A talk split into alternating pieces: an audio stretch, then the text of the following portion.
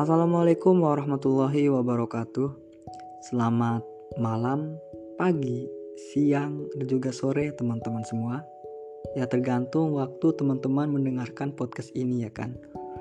Semoga teman-teman yang mendengarkannya sehat selalu dan juga semoga hari-hari teman-teman menyenangkan ya.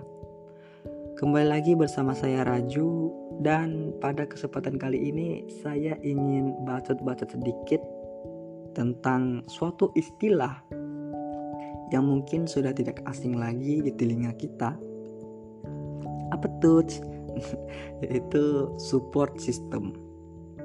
Nah, buat teman-teman yang mungkin belum tahu atau yang mungkin baru keluar dari goa dan terus dengar podcast ini terus bingung, wah apa nih support system? Nah, jadi teman-teman, support system itu adalah istilah yang merujuk kepada suatu sistem dukungan sosial yang berisi orang-orang yang dapat kita percayai sebagai tempat untuk kita menyampaikan keluh kesah, sebagai tempat untuk kita mencari suatu dukungan saat kita membutuhkannya, sebagai tempat kita curhat-curhat, ya. Dan juga biasanya support system ini berisikan orang-orang terdekat kita seperti orang tua, saudara, keluarga, dan juga sahabat-sahabat kita. Nah, terus jika teman-teman bertanya nih, kenapa sih support system itu penting? Atau kenapa sih kita membutuhkan support system? Jadi teman-teman, pada dasarnya support system itu memiliki banyak manfaat pada kesehatan mental kita. Karena dengan adanya support system, kita itu nggak lagi berpikiran bahwasannya semua beban itu harus kita pikul sendiri. Jadi ada orang-orang yang kita percayai yang mungkin dapat membantu kita meringankan beban. Jadi intinya kita itu berbagi beban dengan orang-orang yang kita percaya ini.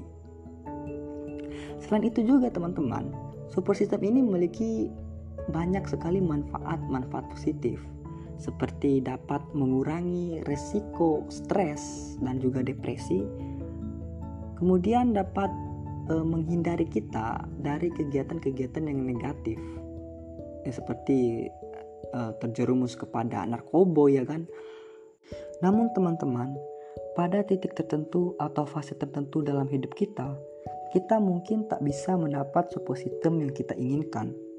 Bukannya dukungan atau bantuan yang kita dapat kita terpaksa harus bisa kuat untuk melakukan segala sesuatu seorang diri. Maka dari itu teman-teman, jika tak ada orang yang bisa mendukung kita atau memberikan bantuan di saat kita terpuruk atau di saat-saat terendah kita, maka satu-satunya yang bisa kita andalkan hanyalah diri kita sendiri. Ya, hal tersebut memang sangat sulit. Namun, di saat kita tak bisa bergantung atau mengandalkan orang lain, maka diri kita sendirilah ya, yang harus lebih aktif untuk memperkuat diri. Yang dapat membantu kita merasa lebih baik ya diri kita sendiri. Asah kelebihan-kelebihan yang kita punya, lakukan hal-hal yang bisa kita lakukan. Bukannya mau sombong atau merasa paling kuat, hanya saja pada kenyataannya kan ada saat-saat kita hanya bisa mengandalkan diri sendiri untuk melakukan segala sesuatu. Situasi itu memaksakan kita untuk mandiri, yang memang tidak mudah untuk melewati masa-masa berat seorang diri. Tetapi begitu kita telah melewatinya, maka proses pendewasaan baru itu akan kita dapat. Ya bagi teman-teman yang mungkin sekarang sedang berada dalam proses itu, maka jika teman-teman ingin menangis ya nangis saja. Nggak usah pura-pura kuat. Nangis aja udah nangis. Nangis setelah nangis hapus air mata cuci muka angkat kepala teman-teman dan mulailah melangkah. Buatlah hidup teman-teman menjadi indah dan lebih berarti. Tetaplah semangat dan jangan pernah putus asa. Ingat kata just no limit be yourself and never surrender dan buat teman-teman yang sudah memiliki support system yang baik, jagalah hubungan baik dengan mereka dan jangan sampai teman-teman kehilangan mereka. Jadi mungkin itu saja teman-teman untuk podcast kali ini semoga bermanfaat untuk teman-teman semua.